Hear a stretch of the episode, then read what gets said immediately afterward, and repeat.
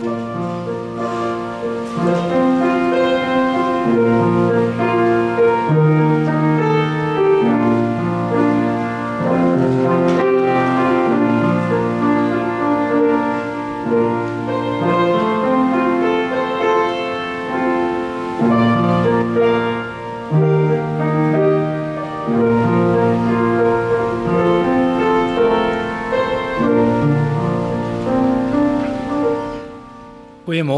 elkeen van julle en ook vir jou wat ingeskakel het by die Kersdiens vanoggend. Ons teks vanoggend is in Matteus hoofstuk 2 en ek gaan net die tweede deeltjie van vers 6 spreek. En die tema lei my na die goeie herder. As jy daar uitgekom het en jou plek gevind het, dan gaan ons die Here saam loof met lofgesang.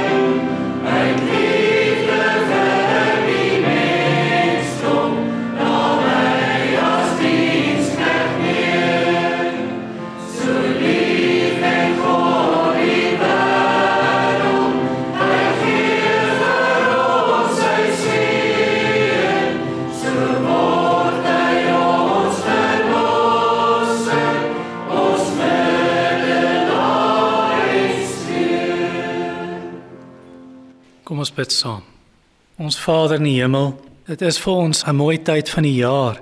Hierdie Kersseisoen wat ons net kan dink weer oor wat U kom doen het vir ons in Christus. Is daar 'n groter wonderwerk as dit dat God aarde toe kom, dat God mens word?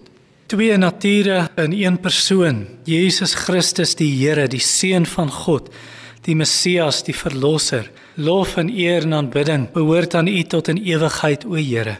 En ons bid dat U ons harte nou ook versterk en bemoedig. Ons bid dit in Jesus naam. Amen.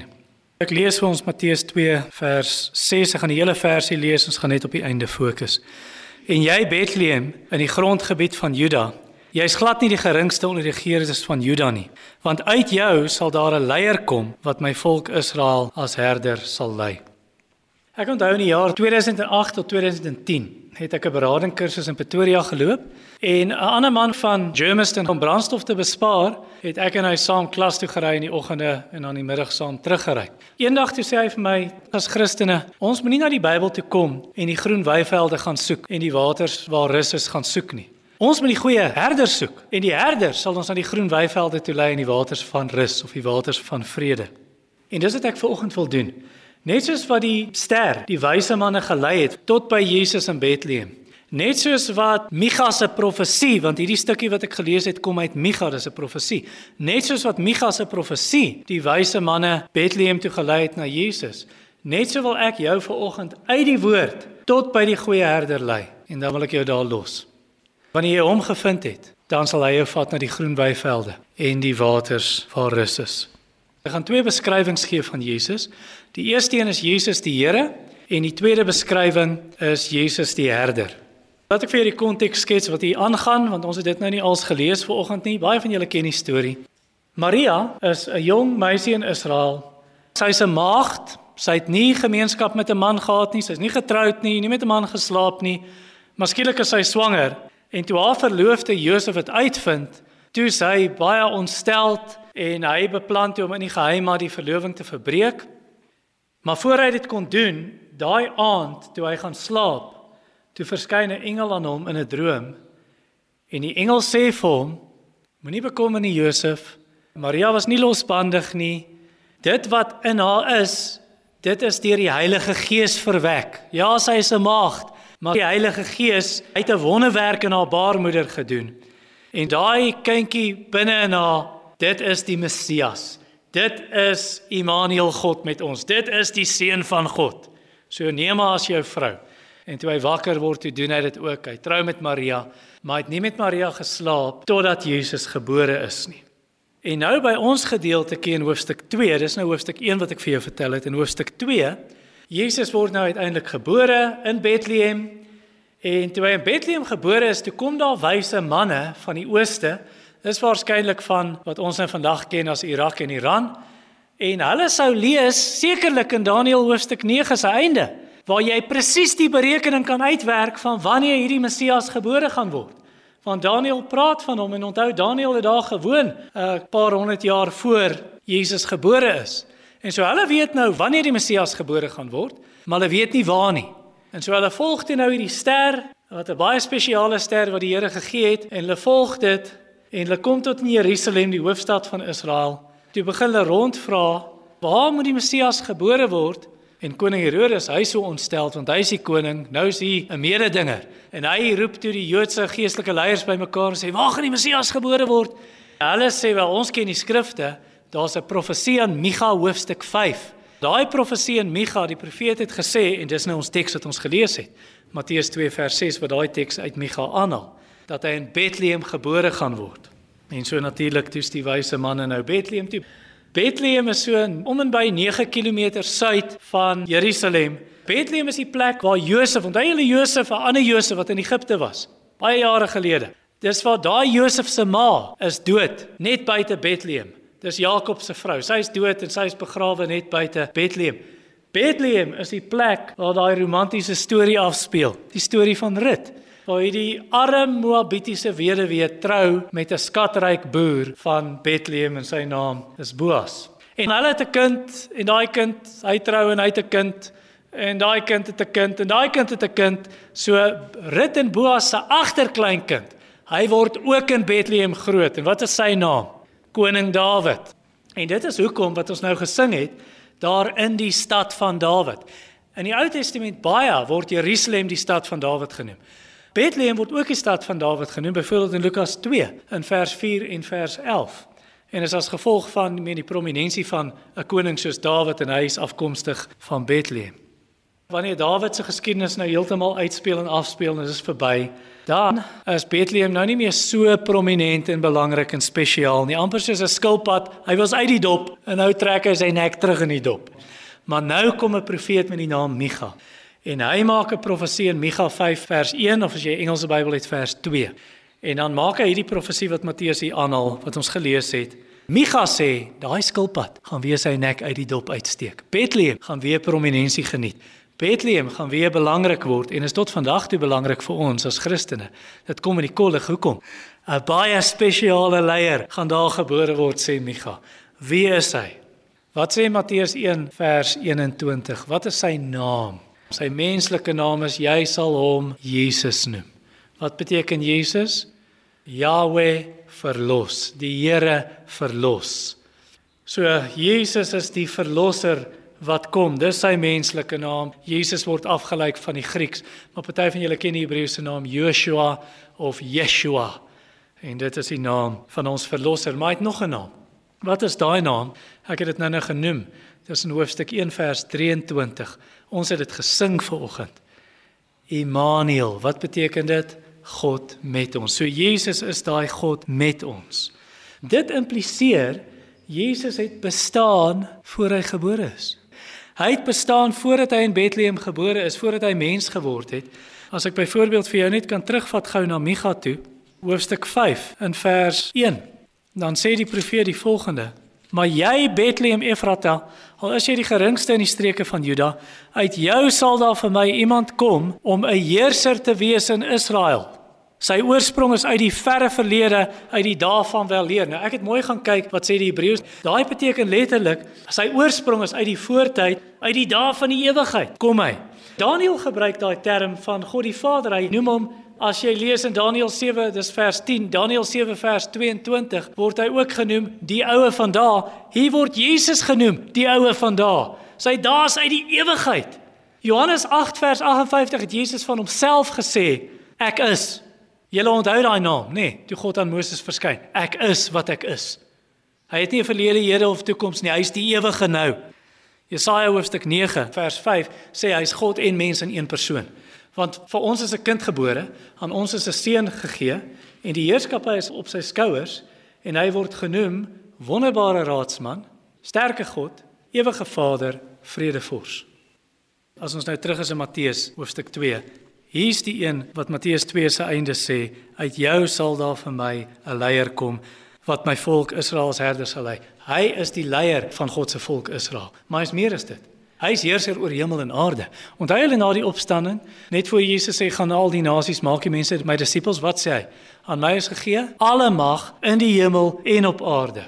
In Daniël hoofstuk 7 in vers 14, wat ook 'n profesie van Jesus is, aan hom is heerskappy, eer, koningskap gegee. Alle volke, nasies, taalgroepe dien hom. Sy heerskappy is 'n ewige heerskappy wat nie verby sal gaan nie en sy koningskap is so dat dit nie vernietig sal word nie. So daar sê dit hy heers oor alle nasies. Dit is syne, dit sal onder sy voete kom.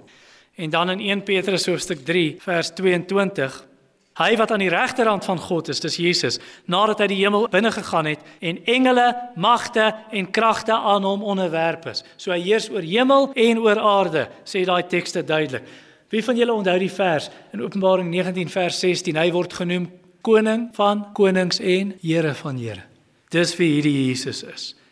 En die engele erken dit. Die engele as jy Hebreërs 1 vers 6 lees, toe God sy eersgeborene in die wêreld inbring of sy enige geborene, toe sê hy laat al God se engele hom aanbid. So engele aanbid hom. Die herders het dit erken. Hulle is die heel eerstes wat Jesus gesien het daai nag. Toe die engele vir hulle gesê, moenie bang wees nie, moenie vrees nie, want daar is vir julle hierdie dag gebore in die stad van Dawid 'n verlosser. En hy word Christus die Here genoem. Hy's die Here. En so hulle dit besef, hulle dit erken. En nou moet ek dit terugbring. Dit moet huis toe kom na jou wat by jou kombuistafel sit of in jou sitkamer sit of jy wat ver oggend hier sit. Bely jy dit? Bely jy Jesus is jou Here, nie net die Here nie, maar jou Here persoonlik. En ek praat nie net van op sosiale media nie. Ek praat nie net van boodskapies wat jy aanstuur vir mense, mooi Christelike boodskapies. Ek praat nie van jou sosiale status profiel wat sê Christen of Jesus is die Here. Ek praat nie eers van jy staan in 'n kerk voor wanneer jy as lidmaat opgeneem word of voorgestel en aangeneem word en dan bely jy Jesus as jou Here nie. Mense wat Jesus hulle Here noem, hulle skryf hulle familie af, hulle weier om te vergewe. Mense wat Jesus hulle Here noem, hulle pleeg bedrog, hulle is oneerlik met besigheid. Hulle kookie boeke om geld in hulle sak te steek. Mense wat Jesus hulle Here noem en hulle gee hulle self heeltemal oor aan drank, maar hulle sê Jesus is my Here en hulle kan baie mooi bid.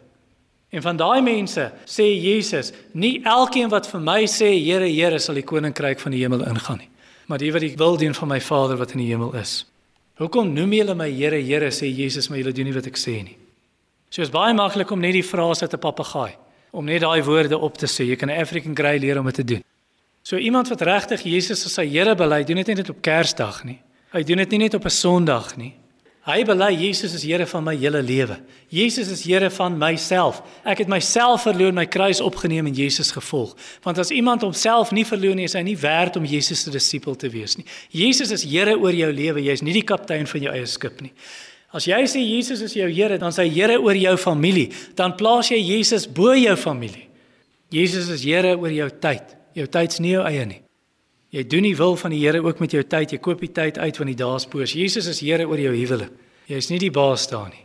As ek in Engels kan sê he calls the shots.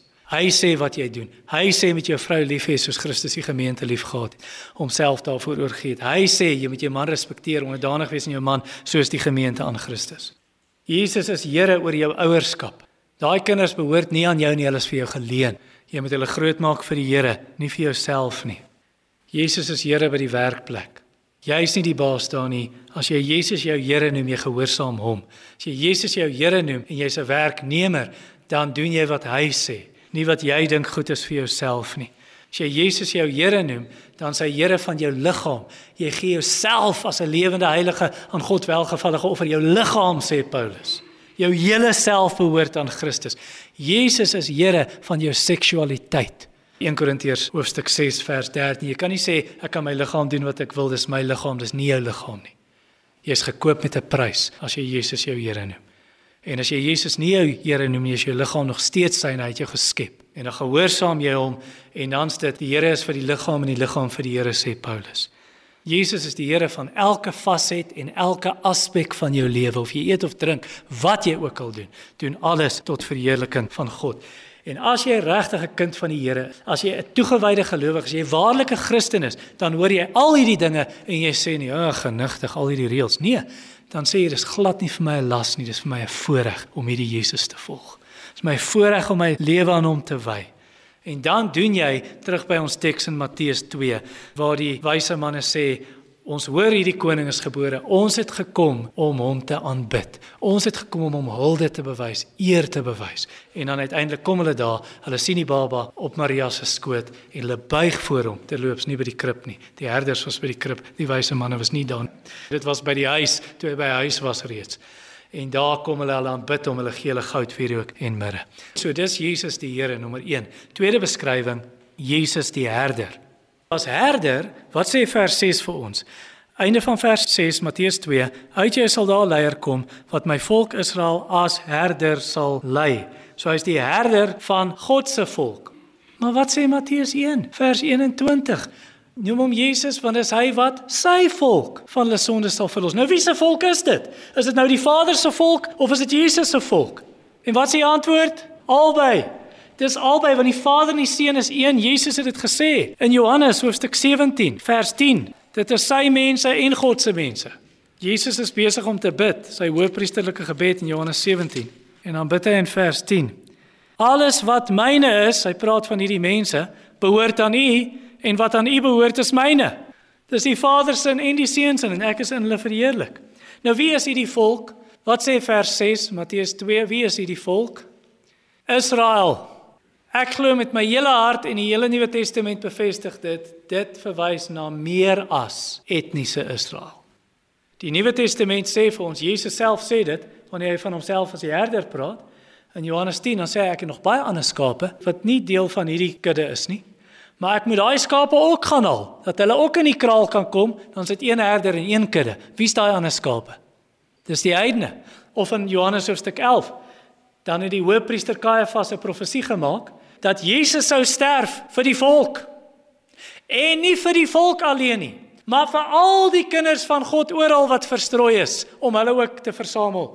En dan Romeine hoofstuk 2, vers 28 en 29. Paulus sê Want om 'n Jood te wees is nie iets uiterliks nie. En besnydenis is nie iets uiterlik wat aan die liggaam geskied nie. Inteendeel, iemand is innerlik 'n Jood. Besnydenis is iets van die hart, geestelik, nie letterlik nie. So iemand ontvang lof nie van mense nie, maar van God. So wie is daai Israel? Dis die Jood en die heiden wat dit in hulle harte is. Hulle het nuwe harte ontvang, hulle is besny in die hart. Romeine hoofstuk 9 sê dit miskien 'n bietjie duideliker nog. Romeine 9 vers 6 tot 8. Dis nie asof die woord van God nou gefaal het nie. Want nie almal wat die nageslag van Abraham is sy kinders nie. Inteendeel daar staan dit is deur Isak wat jou nageslag benoem sal word. Dit wil sê dit is nie die kinders van die liggaam wat kinders van God is nie, maar die kinders na die belofte word as nageslag beskou en dan vers 24 tot 26 ook Romeine 9. Dit is ons wat hy geroep het En wie is hierdie mense? Hy sê so sê hy ook in Hosea, hulle wat nie my volk was nie, sal ek my volk noem. Jode en heidene. En al wat nie geliefd was nie, sal ek my geliefde noem. En op daai plek waar hy vir hulle gesê het, julle is nie my volk nie, jy's daar, sal hulle kinders van die lewende God genoem word. Jesus is nie net herder van die Jode wat in hom glo nie, maar van elkeen wat in hom glo. En hy roep hy skape by die naam. Hy is 'n herder. In Johannes 10 het hy gepraat van die goeie herder, want hy daai teks, die groot herder van die skape, die goeie herder. Dan sê hy in Johannes 10 vers 3: "Vir hom maak die hekwagter oop, hy verwys na homself Jesus. Die skape luister na sy stem. Elke skaap jy ken hulle naam en hulle ken die herder se stem ook. Hy roep sy skape op hulle naam, lei hulle uit. Wanneer hy al sy skape uitgelei het, gaan hy voor hulle uit en hulle volg hom omdat hulle sy stem ken." En dan Ek gaan nie by al die tekste uitkom nie. Maar Jesegiel 34 vers 31 waar hy sê julle is my skape, die menslike skape van my kudde en hy is natuurlik hulle herder. Jesus, hierdie groot taak wat hy doen as herder, hy verrig daai taak met groot krag. So dit beteken hy kan alles doen wat jy nodig het. Daai profesie uit Micha waar Matteus nou uit aanhaal, Net twee versies later, daai teksie. Dan sê in Micha 5 vers 3: Hy, dis nou hierdie Messias, hy sal optree en as herder lei deur die krag van die Here en deur die grootheid van die naam van die Here sy God. Hy het al die krag om te doen wat jy nodig het. So hier's 'n paar vrae wat ek vir jou moet vra vanoggend. Is daar iemand wat luister? Jy soek redding van die mag van sonde in jou lewe. Jy soek die Here se vergifnis. Kan nie die herder daai saak aanspreek? 1 Petrus 2 vers 24 en 25. Jesus het ons sondes in sy liggaam aan die kruis uitgedra sodat ons nou dat ons sondes afgesterf het vir die geregtigheid kan leef. Hy deur wie se wonde julle genees is. Julle was immers verdwaal soos skape, maar nou het julle teruggekeer na die herder en opsiener of bewaker van julle siele. As jy iemand wat luister, jy twyfel oor jou redding, kan hierdie herder daai kwessie aanspreek? O, hy kan daai kwessie aanspreek. Johannes hoofstuk 10 sê vir ons dat die skape in sy hand is Hulle is in die hand van sy Vader. Niemand kan hulle uit die hand van sy Vader ruk nie, want die Vader wat hulle aan die Seun gegee het, is groter as almal. Niemand kan hulle uit my hand uitruk nie, sê Jesus. Hulle sal in ewigheid nooit verlore gaan nie. Jy hoef nie te twyfel nie. As jy op die Here Jesus vertrou, jou redding is veilig. Wonder jy miskien is Jesus regtig waar? Kan ek jou gou 'n vraag vra? Waaroor gaan Matteus 2 vers 6? Wel, oor die herder wat gaan kom en die skape lei. Waaruit kom dit? Uit Micha Wat is Micha 5 vers 1? Dis 'n profesie. Daar's baie sulke profesieë. As al daai profesieë vervul word in een mens. Terloops, hy het gesê hy gaan in Bethlehem gebore word. Hoe beplan jy jou eie geboorte? Jesus is waar. Die profesie is vervul. Jy kan hom glo. Jesus is die groot herder van die kudde wat uit die dood opgewek is, sê Hebreërs 13 vers 20. Die graf is leeg. Hulle het tog nooit die liggaam gevind nie. Hy het verskyn aan honderde ooggetuies sê 1 Korintiërs 15. Die skrifte is vervul tot in die fynste besonderhede. Jy kan glo Jesus is waar. Dalk sê jy goed, ek glo Jesus is waar, maar is hy regtig God of was hy net 'n goeie mens, was hy maar net 'n goeie profeet? Wat sê die bekendste Psalm in die Bybel? Hoe begin daai eerste versie nou weer in Psalm 23? Die Here is my herder. Wat sê Jesus van homself? Ek is daai goeie herder. Jesus is daar, Here. Jy kan glo hy is God en 'n klomp ander tekste wat ons kan gee, maar daar's nie tyd daarvoor nie. En dan sê die Here van homself in Jesegiel hoofstuk 34 vers 15: Ek die Here, ek self sal kom. Ek sal daai skape se herder wees. Jesegiel 34:15 sê: Ek self sal my skape laat wy. Ek self sal hulle laat lê in rus. Dit is die uitspraak van my Heer die Here. En dan af na vers 23 van Jesegiel 34. Ek sal een herder oor hulle aanstel. Hy sal hulle laat wy, my diensknegt Dawid. Nou natuurlik Dawid is al dood. So hierdie praat van die groot Dawid, die seun van Dawid, Christus. Dit is hy wat hulle sal laat wy en dit is hy wat vir hulle 'n herder sal wees en weer eens, daai herder is die Here. Dis die een wat ons kan vertrou. En jy kan die Here dan vra, en sê Here gee vir ons herders na u hart wat ons sal lei met kennis en verstand. En soos in 1 Petrus 5 wat hy van praat van die herders. Hy praat van ouderlinge daar en hy sê vir hulle in 1 Petrus 5 vers 2 en 3 dat hulle oor die kudde moet waak as herders, moet wag hou, versorg hulle as herders die kudde van God in julle midde. Hou toesig nie uit plig nie, maar vrywillig in ooreenstemming met die wil van God. Nie uit skandelike winsbejag nie. Nee, maar geesdriftig, nie baas spelerig nie oor hulle wat aan julle toevertrou is dat jy mense manipuleer en onderdruk. Moenie dit doen nie, maar as voorbeeld vir die kudde. Is jy onbelangrik? Is jy 'n arm persoon? Jy sukkel. Jy dink hoekom sal Jesus in my belangstel? Kan ek jou vra vir wie Jesus gekom? Hy het gekom dat die wat arm is ryk kan word in die geloof. Jakobus 2 vers 5. Hy het gekom om goeie nuus aan die armes te verkondig. Wie was die heel eerste mense wat Jesus gesien het toe hy gebore is? was arme mense, dit was herders, was skaapwagters, maar hulle is uitgeworpenes in die samelewing. En Jesus gee hulle die voorreg om te sê ek het gekom vir mense soos julle. Voel jy geestelik verdwaal? Voel jy uitgeput in jou lewe? Wat sê Psalm 23? Die Here is my herder. Niks sal my ontbreek nie of ek hom niks kort nie. Hy laat my neerlê in groen weivelde na waters waar rus is, lei hy my heen. Hy verkoop my siel.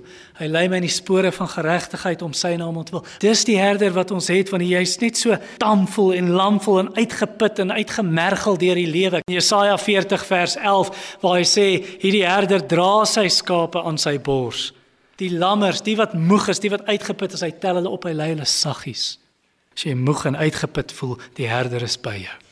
Voel dit vir jou miskien jou arbeid in die Here beteken niks. Jy dien die Here, jy dien in sy koninkryk, jy wil vir hom werk. Dit help niemand, dit verander niemand nie. Die Bybel sê moenie moedeloos word nie, volhard. Niks wat jy in diens van die Here doen is te vergeefs nie. 1 Petrus 5 vers 4 sê, die groot herder gaan eendag terugkom en hy gaan jou beloon. Hy gaan vir jou daai onverwelklike kroon van heerlikheid gee. Luister, hierdie herder wat so goed is vir jou, wat so omgee vir jou. Buig voor hierdie herder, Jesus Christus, en aanbid hom as jou Here. In Psalm 95 staan daar in vers 6 en 7: Gaan in, laat ons in aanbidding buig en kniel. Laat ons op ons knieë staan voor die Here, ons Maker, want hy is ons God en ons is die volk wat hy laat wy, die skape van sy hand. Luister, as jy jou eie weg gaan kies en jy gaan nie voor die herder buig en nie die herder aanbid nie, dan sal die dood jou herder wees. Luister wat sê Psalm 49 vers 15. Soos kleinvee is hulle vir die doderyk bestem of so skape vir die doderyk bestem, die dood is hulle herder. Jy wil dit nie hê nie. Kom na Jesus toe. Hoekom? Want die goeie herder het gesterf om mense te red van die dood, om mense te red van daai ewige dood van die hel. Jesus het gesterf uit die dood se angel uitgehaal. Dis hy wat lewe in oorvloed gee. Dis hy wat sê ek is die goeie herder. Die herder lê sy lewe neer vir die skape. En deur Jesus kan die dood jou geen skade aandoen nie. As ek kan afsluit hiermee. Dood gaan jou nie skade kan aandoen nie. Wat gaan gebeur is jy sal op die einde van jou lewe kan sê wat 'n tannie in ons gemeente gesê het. Sy is in 2019 oorlede. 2 weke voor sy dood is en sy het nie geweet sy gaan doodgaan nie. Alles was goed. 2 weke voor sy dood is toe besoek ek haar. Toe sê sy vir my, "Weet jy, Iwer, ek het vandag vir die eerste keer Psalm 23 in die verlede tyd gelees. Die Here was my herder. Niks het my ontbreek nie. Hy het my in groen weivelde laat neerlê. Na waters van rus het hy my heen gelei." 2 weke later is sy oorlede en weet jy toe sy oorlede is glo ek met my hele hart want die Bybel sê dit sy het deur 'n dal van doodskade weer gegaan sy het niks gevrees nie geen onheil nie want die herder was met haar sy stok en staf het haar vertroos en uiteindelik sy sit aan by die feesmaal van die Here haar beker loop oor haar hoof word gesalf met olie. Net goedheid en guns sal haar volg al die dae van haar lewe. Sy sal in die huis van die Here woon in lengte van dae. En selfs daar, sê Openbaring 7 vers 17, sal die lam wat op die troon is, haar herder wees en hy sal haar lei na lewende waterfonteine. Is jy gereed om die herder te ontmoet? Begeer jy hom meer as die geselligheid van vandag, Kersdag, van vriende en lekker eet en saam kuier en geskenke? Kom ons bid saam. Ons Vader, Here Jesus ons herder, Heilige Gees ons trooster, kom lei u skape en maak ons bewus ek dra jou op my skouers in Jesus naam. Amen. Kom ons prys die Here met lofgesang.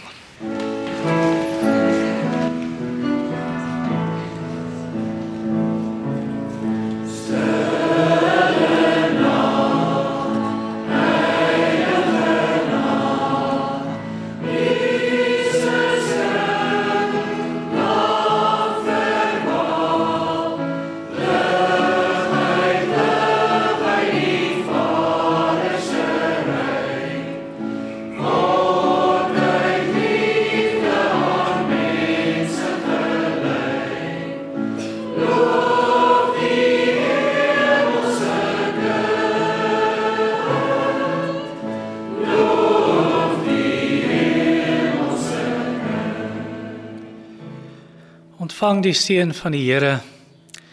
Mag die goeie herder jou dra en jou lei nou en tot in ewigheid. Amen.